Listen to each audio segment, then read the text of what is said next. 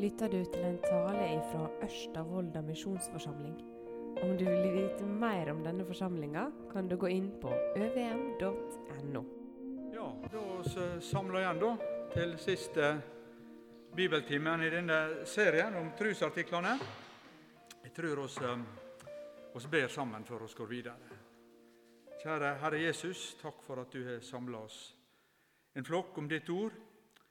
Nå ber jeg om at du gjør det stille i hjertet vårt, i tankene våre, i sinnet vårt, og at du får tale inn i våre liv, og at vi kan få noe fra deg som kan bli oss til hjelp i hverdagen vår og i tjenesten vår og i livet vårt.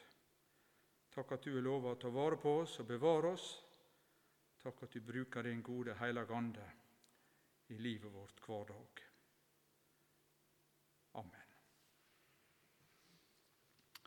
Da er det tredje trosartikkelen.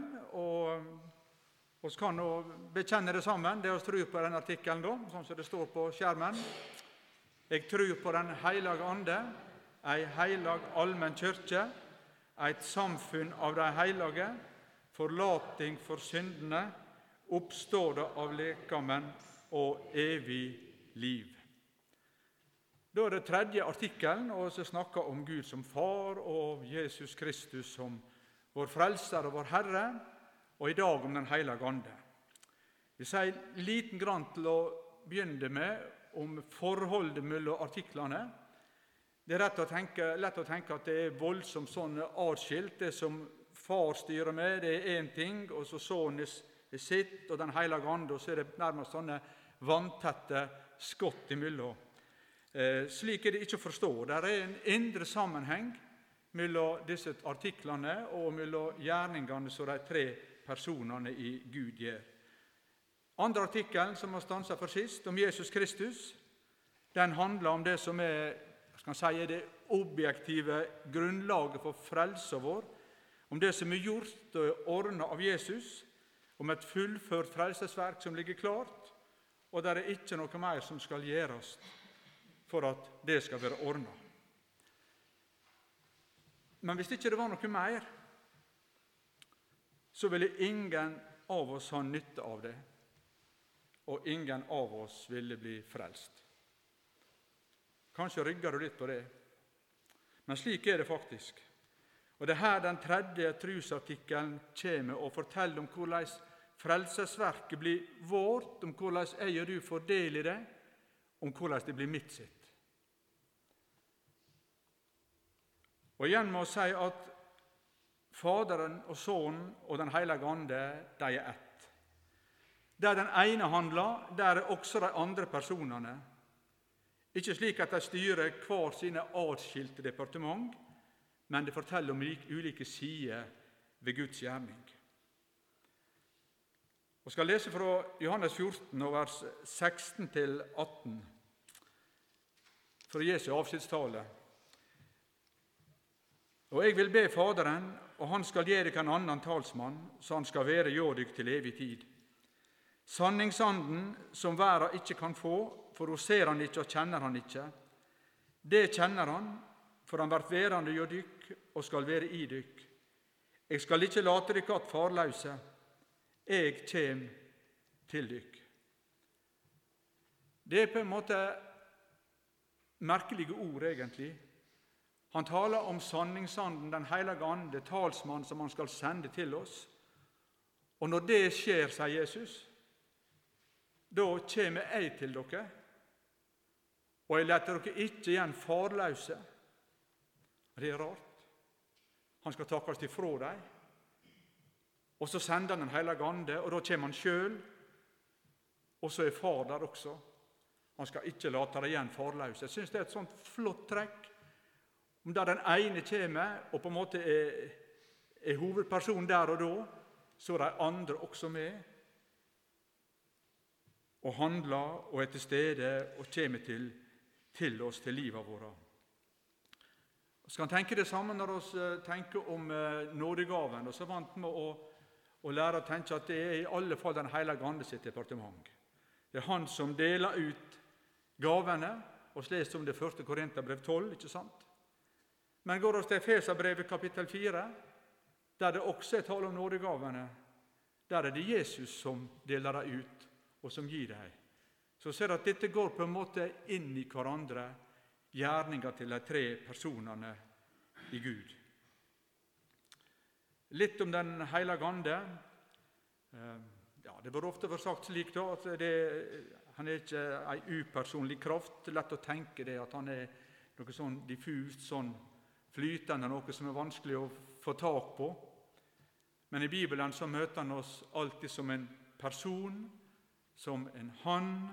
Slik var det i skriftavsnittet som vi la oss nettopp. Og slik er det lenger ute i samme kapittel hos Johannes, i vers 26. Den hellige ande, altså, talsmannen, Den hellige ande som Faderen skal sende i mitt navn. Han skal lære dere alle ting og minne dere om alt det som jeg har sagt dykk.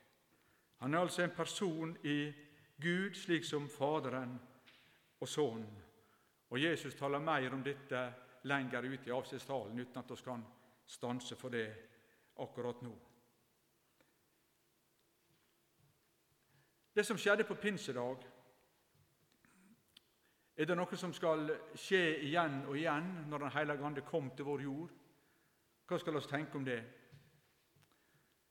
Det begynner å nærme seg jul, og jeg tenker at det er hjelp for oss å tenke hvordan det var når Jesus kom, hva det var som skjedde da han var født.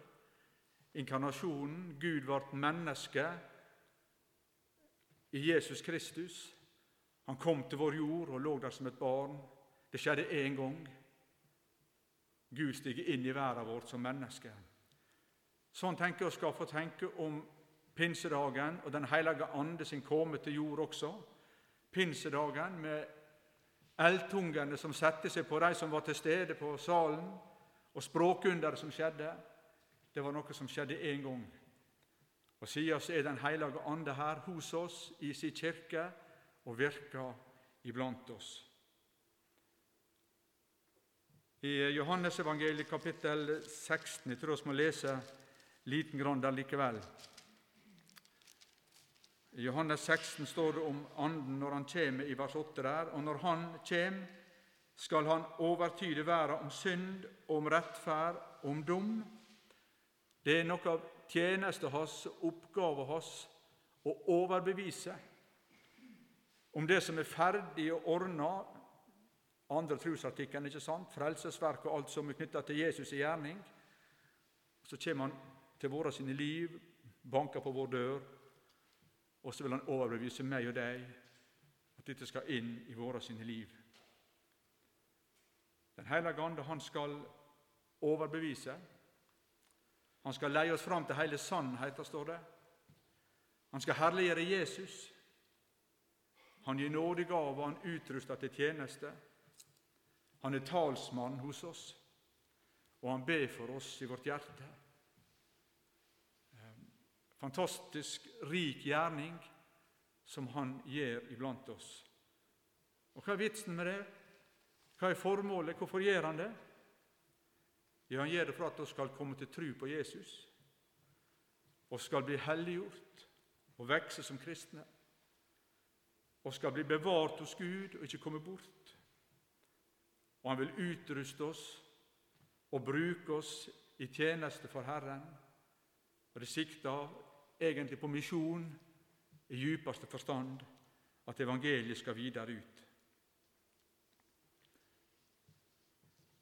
Det som skjedde på Jesu kors og i hans oppstandelse, det må bli mitt sitt. Det må bli til frelse og redning for meg og for alle andre mennesker som ikke har hørt og møtt dette før. Også i kveld stanser vi for uh, Luthers forklaring i Lille katekisme. Det er litt lang, den til 30. artikkel, men vi tar den med likevel. Jeg skal stanse for noen ting her seinere. Jeg tror at jeg ikke av egen vet eller egen kraft kan tro på Jesus Kristus, min Herre, eller komme til Han. Men Den hellige Ande har kalla meg med evangeliet, opplyst meg, helga meg og holder meg fast i den sanne tru. På samme måten kaller, opplyser og helger han hele den kristne kyrkja på jorda, og held denne oppe hos Jesus Kristus i den sams kristne tru. I denne kristne kyrkja tilgjev han daglig meg og alle truende alle synder. På den siste dagen skal han vekke opp meg og alle døde, og gjøre meg og alle truende i Kristus evig liv. Sånn legger Luther det ut i Lille katekisme. Begynner sånn Jeg tror at jeg ikke av egen vet eller egen kraft kan tru på Jesus Kristus, min Herre, eller komme til Han. Det høres veldig provoserende ut i utgangspunktet. For det, men det kan jeg vel. Jeg har vel kontroll på hva jeg kan tro på. Jeg kan vel tro på Jesus når og om og hvis jeg vil. Ingen skal blande seg inn og si at det, det har ikke jeg kontroll på sjøl. Men likevel så sier han det altså. Jeg tror at jeg ikke av egen vet eller egen kraft kan tro på Jesus Kristus, min Herre, eller å komme til Han. Og Dette henger sammen med andre trosartikkel, noe som vi stansa for i forklaringa der sist, for dere som var her òg. Dette uttrykket som Luther bruker, at han har løst ut meg fortapte og fordømte mennesker. Kjøp meg fri og frels meg fra alle synder, osv. Meg fortapte og fordømte menneske, Hjelpeløs og vår når det gjaldt frelsesverket og det å få et ordna forhold til Gud. Og Så møter oss det igjen i disse uttrykka i starten på forklaringen til tredje artikkelen når det gjelder hvordan dette skal bli mitt, og hvordan jeg skal få del i det. Vi eh, må ta med en artikkel fra den eiksburgske vedkjenninga også, artikkel 2. Den uttrykker dette sånn at alle mennesker som er forplanta på naturlig vis etter Adams fall, blir fødde med synd, dvs. Si uten otte for Gud, uten tillit til Gud og med tråd. Dere ser jeg skrev 'begjær' i parentes der. Selv om jeg er i Volda, så tror jeg jeg måtte hjelpe til litt med et bokmålsord der. Eh, dere skjønner det. Det er veldig alvorlig, det som står i denne artikkelen. Men ser du, der er to unntak som er forplanta på naturlig vis. Da er Jesus unntatt. Han var ikke forplanta på naturlig vis. Den hellige ande skal komme over deg, ble det sagt til Maria. Og så et unntak til. Etter Adams fall blir fødde med synd. Altså før fallet så var menneskenaturen god. Men utenom disse to unntakene så er alle mennesker uten otte frykt for Gud, uten tillit til Han, og med syndig tråd og begjær. Det er litt eh, rart, da. altså Nå har vi eh, på en måte bekjent de tre trosartiklene at jeg tror på Gud Fader, jeg tror på Jesus Kristus, jeg tror på Den hellige ande. Og så leser vi katekismen, og så sier vi at jeg tror at de ikke av egen vet eller egen kraft kan tro på Jesus Kristus, min Herre, eller komme til Han. Det virker noe inkonsekvent, ikke sant? Jeg skal legge merke til hva Luther sier her. Han sier ikke at mennesker ikke kan tro. Mennesker tror så mangt. Da er det noe det er nok av i verden vår, så er det tro på alle mulige forskjellige ting. Men det som blir sagt der, er at jeg kan ikke tro på Jesus Kristus, min Herre eller komme til Han. Jeg er ikke noe så voldsomt språkkyndig, men jeg får tak i at den lille katekismen den ligger føre i to utgaver fra Luthers hand, på tysk og på latin. Og På latin der brukte han to, to uttrykk for tru her. Jeg trur, førsteplassen, credo, at jeg ikke av egen vet eller egen kraft kan tru, fide på Jesus Kristus, min Herre. Det er en skjelning en nyanse. Førsteplassen jeg trur, credo, jeg holder fast. Dette er det som jeg holder fast på og, og, og griper. Sånn er det, står det fast. Og så på andreplassen at jeg ikke kan tru på Jesus Kristus. Da bruker han dette uttrykket 'fide', som betyr egentlig tru som tillit. Det jeg bygger livet mitt på, det jeg kan på en måte slippe meg trygt ned på og hvile i.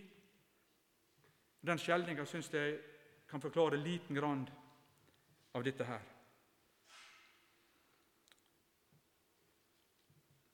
Det er vanskelig for oss å på en måte gripe og bli enig med dette her, at jeg på en måte ikke kan tro på Jesus Kristus, men herlig komme til Han. Eh, men tenk litt etter. Første trosartikkel. Da du ble skapt og fikk livet Ja, vet hvordan det foregår når et menneske blir til, men likevel. Altså det at du ble du, det underet som skjer i skapelsen.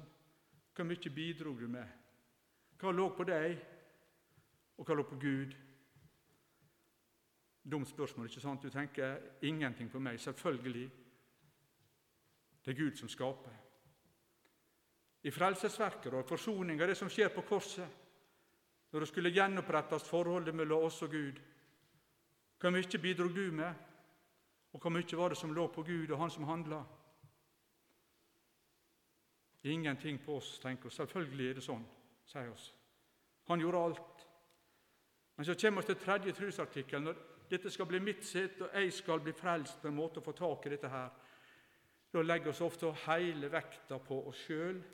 Da er det jeg som må forstå og gripe og klare å få til å tru og komme og ta valg og alle disse tingene her. Og så blir det så vanskelig for oss, og så blir det så kavasamt, det hele ofte. Da tenker jeg det er så befriende å få lov til å, å lese dette her. altså Den hellige ande har kalla meg med evangeliet opplyst meg og helga meg og holder meg fast i den sanne tru. Luthersk og bibelsk kristendom det er nådemiddelkristendom. Man kan bruke et sånt uttrykk. Den hellige ande bruker ikke noe svevende og diffust noe, men han bruker nådemidler som har Guds løfte knytta til seg. Guds ord og forkynnelsen av evangeliet dåpen og nattverden. Og kanskje først og fremst Guds ord, som også ligger i de begge sakramenter som vi ser. Romerbrevet 10 vers 17 det er et ord som vi bruker veldig ofte. og kan av og til føle oss gnagsår i ørene av det. Men likevel, da. Det, det bærer med seg noe av det som er essensen i dette her så kjem da trua av forkynninga som han hører, og forkynninga som han hører, kjem ved Kristi ord. Det er noe som kjem til deg, kjem til oss utafrå, og som bærer med seg noe inn i livet vårt. Trua kjem av det budskapet som vi hører om Jesus Kristus. Hans død og hans oppstandelse, det som skjedde med Han, og at det var og er for meg og for deg. Og så skaper dette ordet, dette budskapet, tillit i livet vårt og i hjertet vårt. Et av de mest klare og jeg synes nesten gripende eksempler på det i Bibelen vår, det er apostelgjerningene kapittel 10, eh, der apostelen Peter står og taler i huset til Kornelius, hedningen. Kornelius har fått beskjed om at du skal sende bud etter han karen sier til Simon, og han skal tale ord til deg som du skal bli frelst ved, du og hele huset ditt. sa han. Så kommer Peter, og så stiger han inn i huset der, og så leser jeg fra vers 42 i kapittel 10. Og Så forkynner Peter disse ordene. Han bød oss altså Jesus og forkynner for folket og vitner at han er den som Gud har sett over dommer over levende og døde. Han gjev alle profetene det vitnemålet, at alle som tror på Han, får forlating for syndene ved Hans navn. Medan Peter enda taler disse orda, fall Den hellige ande på alle som hørte ordet. Hva er det som skjer her? Uten at de har tenkt på noe eller forstått noe av hva det vil si å tro eller å komme til Jesus og sånn, så sitter de eller står og lytter til budskapet om syndenes forlatelse.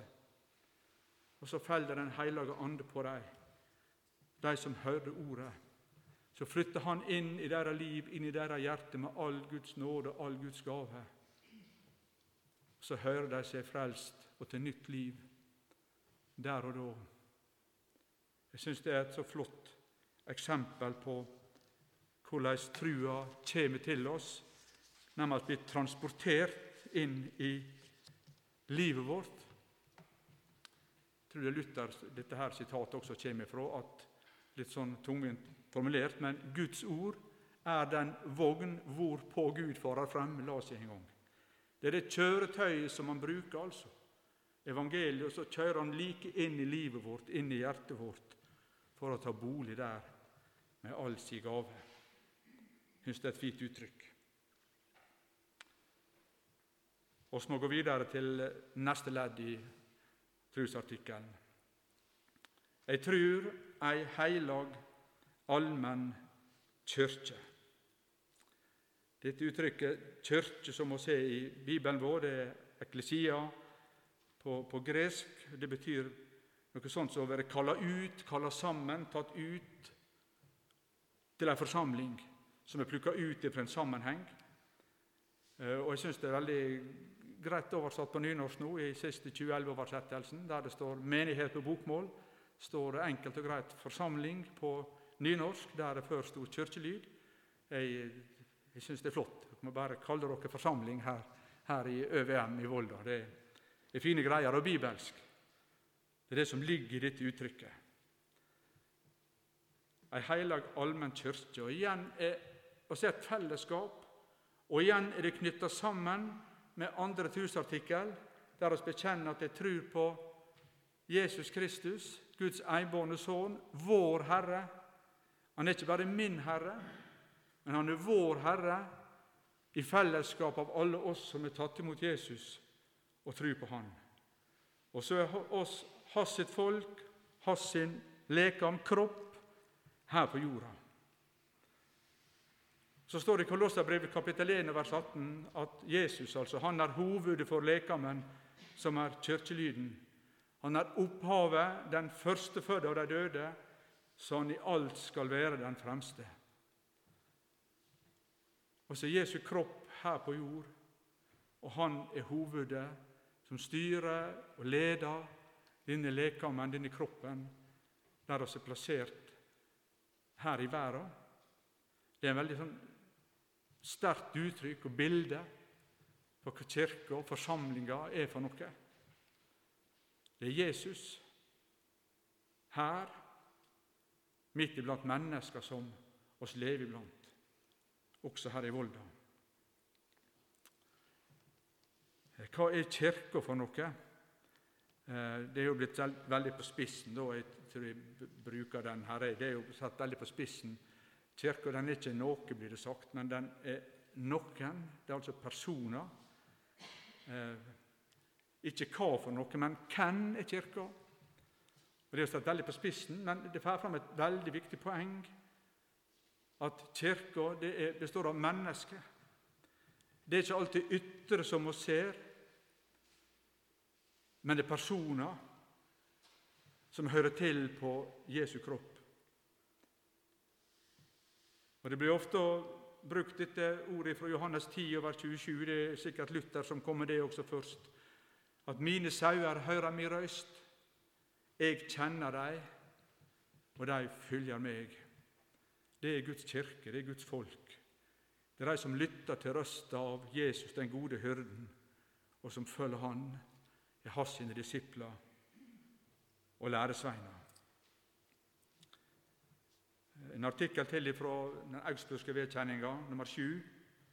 Han uttrykker det sånn at kyrkja er forsamling av de heilage, der evangeliet blir lært reint og sakramenta forvalta rett. Her er to ting som må holdes sammen samtidig. Det er forsamlinga av de hellige, de som hører Jesus til. Ja, når og hvordan er det når du sparker fotball først og fremst, eller klatrer i tre, eller er på fisketur? Nei, det blir holdt sammen med dette der evangeliet blir lært rent og sakramenta forvalta rett. Begge deler må være til stede. Der er Kirka, forsamling av de hellige, der evangeliet blir lært rent og sakramenta forvalta rett. Og så er dette noe som står i trubekjenninga vår. Og Hvorfor står det der?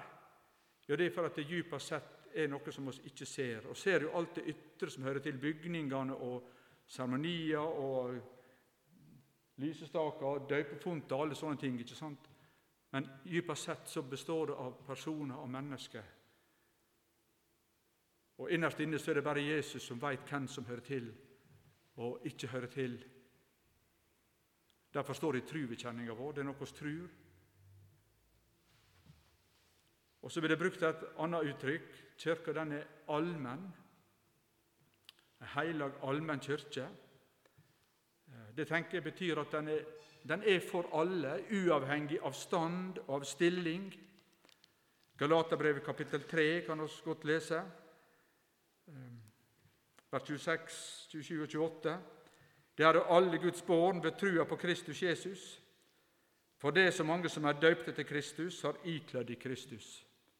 Her er det ikke jøde eller greker, her er det ikke træ eller fri, her er det ikke mann og kvinne, for det er alle ein i Kristus Jesus. Når det gjelder frelse og det å være med på denne kroppen som er Kristus, så står alle likt, uavhengig av stand og stilling. Kirka er allmenn. Det betyr at kirka sitt budskap er for alle mennesker.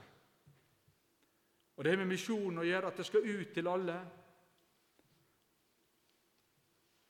Og så får alle lov til å tjene. Alle får lov til å vitne. Alle får lov til å fortelle om dette her, som sjøl har møtt Jesus. Første Peters brev, om det som vi kaller for det allmenne prestedømmet, i kapittel 2. Men det er ei utvald i vers 9 der, eit kongelig presteskap, eit heilagt folk, eit folk til eigedom, så det skal forkynne Hans stordom, Han som kaller deg fra mørket til sitt underfulle lys.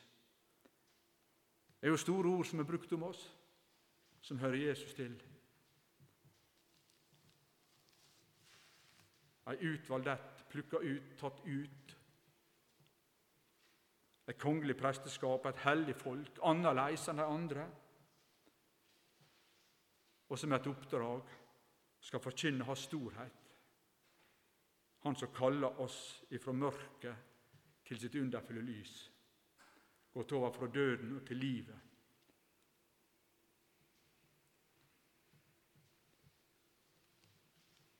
Jeg tror et samfunn av de hellige Og så er sagt at Kirka dypest sett er noe usynlig, noe som vi ikke, ikke kan se. Eh, samtidig så Jeg vet ikke hva uttrykk han skal bruke om det, men vi kan fornemme den. Vi merker det at vi har et fellesskap. Vi ber sammen og hører de mennesker som kaller på Jesus. Og så er det vitnesbyrdet fra hverandre. Vi kjenner på tilhørigheten og fellesskapet fordi at vi har bruk for Jesus og har tenkt oss til himmelen. Her er et fellesskap av kristne. Det er noe som binder oss sammen, som ikke kan deles med alle andre. Og hva er det for noe? Jeg syns Johannes får det så fint fram i første brevet sitt, i kapittel 1 og fra starten der. Han forteller om det som han har møtt og opplevd i møte med Jesus.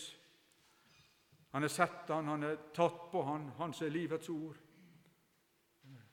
Og så skriver han det som vi har sett og hørt, det forkynner vi dykk. Og hvorfor gjør han det? Ja, så det òg kan ha samfunn med oss. Og vårt samfunn er med Faderen og Hans Sønn Jesus Kristus. Han er opptatt av dette ene å forkynne om det han har sett og hørt i møte med Jesus. Og det vitnesbyrdet det fører andre mennesker inn i det samme fellesskapet, inn i det samme samfunnet. Det er det som er målet hans.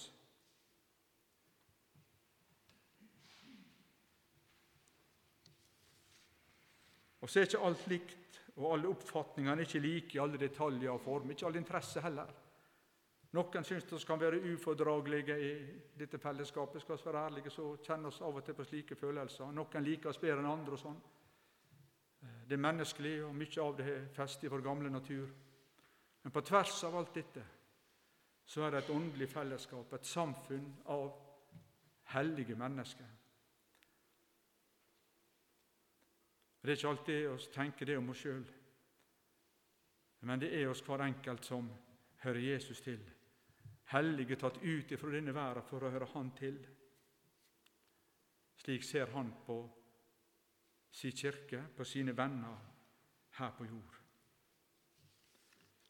Enheten i kirka er ikke bygd på følelser og opplevelser og hva vi kan synes om den ene og den andre, men den er bygd på det som skaper Kirka, nemlig nådemidler. Evangeliet om Jesus, Guds ord, dåpen og nattverden. Jeg har av og til stussa på hvorfor dette leddet 'Jeg trur forlating for syndene', hvorfor akkurat det plukka ut og står i trubekjenninga vår. Det er jo så mange ting som kunne vært rikt å ta med av det som oss eier i trua på Jesus. Hvorfor er akkurat dette uttrykket tatt med. Jeg trur forlating for syndene. Ja, jeg veit ikke om jeg har rett. Jeg liker å tro at jeg har rett, iallfall. Men for jeg tenker at det er tatt med fordi at forlating for syndene det er grunnlaget for alt annet i forholdet til Gud og for livet som kristen. Når jeg og du eier forlating for syndene, da åpner det seg dører til all annen rikdom som hører til det å være et Guds barn. Og Derfor tenker jeg iallfall liker å tro at det er derfor det står i truvekjenninga vår. Tenk å eie det. Skuld som vi har overfor Gud, all synd, gjeldsbrev og alt dette som endeløst langt. Så plutselig så er det fjerna og sletta ut og tatt bort av Jesus fordi han har betalt og gjort opp for det. Inn i fridommen. Og da åpner det seg dører til vekst, til helging, til tjeneste, eh, til så mange ting i fellesskapet med Jesus og i fellesskapet med andre kristne.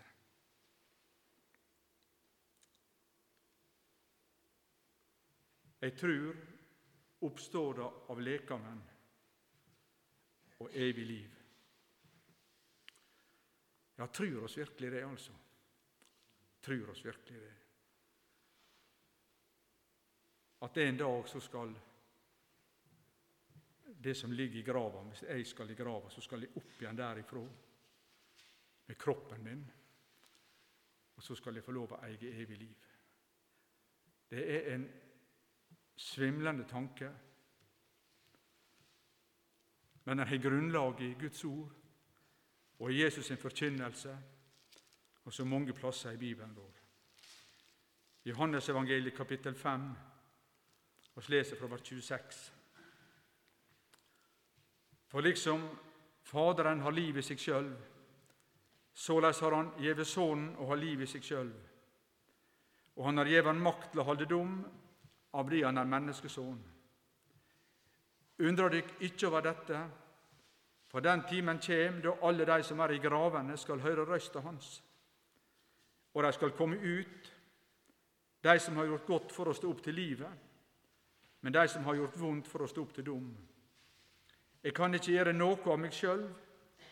Etter det jeg hører, dømer jeg, og dommen min er rettferdig, for jeg søker ikke min vilje, men Hans vilje, som har sendt meg. Svimlende uttrykk som er brukt. At en dag så skal Jesus rope, og så skal gravene åpne seg. Jeg har et minne om akkurat dette her. Eh, jeg kunne være ei ja, ti år, kanskje. Og så ute i Borgund, på grava til bestefar. Jeg og pappa og noen til, og bestemor var med. Og Så ble jeg og bestemor gående for oss sjøl fra grava og bortover i grusgangen der. Og stilt. Sa ingenting. Bare gikk der borte fra grava. Og plutselig så kommer det fra bestemor, og sa det kanskje like mye til seg sjøl som til meg. Det skal bli en underlig dag når alt det som ligger her, skal røyses. Jeg har ikke tenkt på før. Men det er støkk nesten i meg. Men det skal bli det, altså. Når han går på kirkegården. Alt det som ligger her, skal røyses når Jesus roper, og alle skal vekkast opp. Den dagen blir det et skille mellom de som tror på Jesus, og de som ikke ville ha med han å gjøre her i livet. Det som her var usynlig og på en måte blanda, det blir den dagen atskilt i to flokker. Og det er det store alvor med det. Skal komme att derifra for å dømme levende og døde. Vi kjenner oss i andre artikkelen.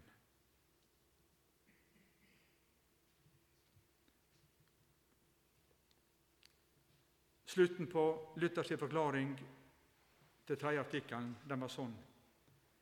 I denne kristne kyrkja tilgjev Han daglig meg og alle truende alle synder. På den siste dagen skal Han vekke opp meg og alle døde, og gi meg og alle truende i Kristus evig liv. I denne kristne kyrkja, i dette fellesskapet, der vi er sammen om ord og sakrament. Der møter Han oss med nåden og tilgivelsen hver dag. Så gjør Han det. Alt er ferdig og ordna ifra Guds side. Men på den siste dagen skal Han vekke opp meg og alle døde. Og så skal du merke skjelninga. Du ser jeg streka under på skjermen. Han skal vekke opp meg og alle døde, ja, uten unntak og gi meg og ikke alle døde, men alle truende i Kristus evig liv. Der kommer samme skjelninga igjen og kaster et veldig alvor inn over livet vårt og innover de som oss lever sammen med og er plassert som kirke, forsamling, midt iblant. Så lenge vi er her i livet, er det mulig å komme over fra ene sida til den andre. Men denne dagen, da, da er den muligheten over. Jeg tror oppstår det av lekamen, av kroppen og evig liv.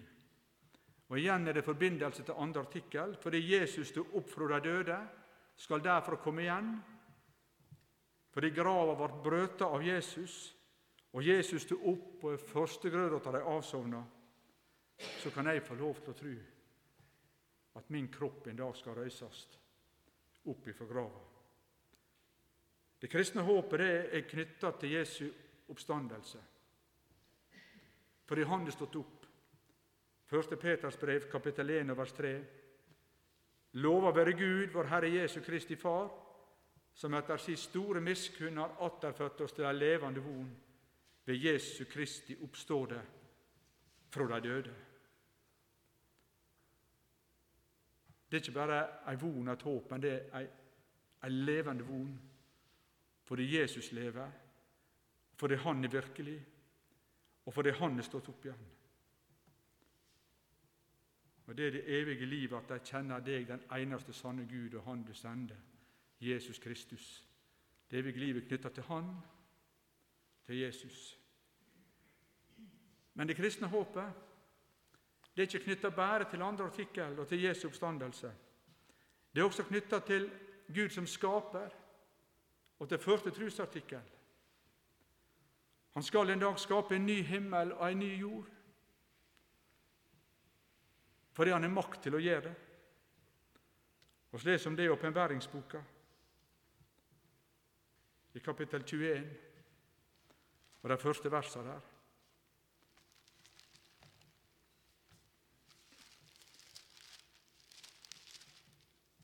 Og jeg så en ny himmel og en ny jord. For den første himmelen og den første jorda hadde kvorvet bort, og havet er ikke mer. Og jeg så den hellige byen, det nye Jerusalem, stige ned fra himmelen, fra Gud, gjort i stand lik ei brud som er prydd for brudgommen sin. Fra trona hører jeg ei høg røyst som sa:" Sjå, Guds bostad er jo mennesker. Han skal bu hjå dei, og dei skal være hans folk, og Gud sjølv skal være hjå dei og være deira Gud. Det kristne håpet knytta til Jesu oppstandelse, ja, men knytta til Han som kan skape en ny himmel, en ny jord, og som skal gi det en ny kropp en dag. Det er også knytta til hans skapermakt. Og skal lese fra 1. Korinterbrev, kapittel 15, og vers 42 og 43.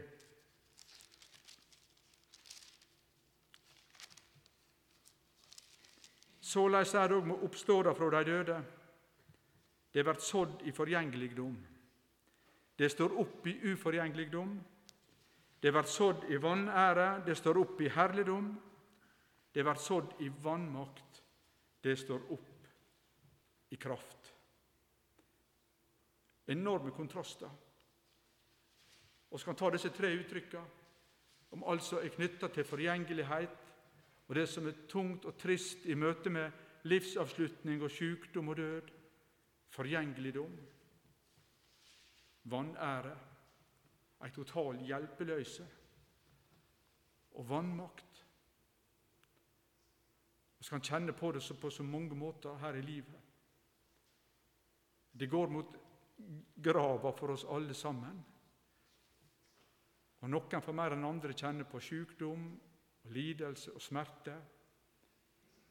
Alt er innbakt i disse uttrykkene. Så kommer den store kontrasten, da. Uforgjengeligdom, herligdom og i kraft. Det blir sådd i vannmakt ved døden, fullstendig nakent og avkledd. Så skal det stå opp igjen i kraft enorme uttrykket når Gud griper inn og Jesus skal rope. Utafor grava til Lasarus sto Martha en dag, og Jesus var der. Så sier han disse ordene Jesus sa til henne. Jeg er oppståda av livet. Den som trur på meg, skal leve om han så dør. Og hver den som lever og trur på meg, skal i all æve ikke dø. Tror du det? Tror du det? Ja, hva hadde du svart hvis du fikk det spørsmålet første gangen, hvis du ikke hadde hørt dette ordet før? Så står han der og så sier han disse ordene. Tror du det? Og Det som det, som det blir for stort for Martha å si at ja, Herre, jeg tror at du er Messias, Guds sønn, han som skulle komme til verden. Jeg tror på deg, Jesus. Jeg tror på deg. Alt kommer til alt, så er det det viktigste. Så har du alt dette, hun også. Oppstandelsen og livet.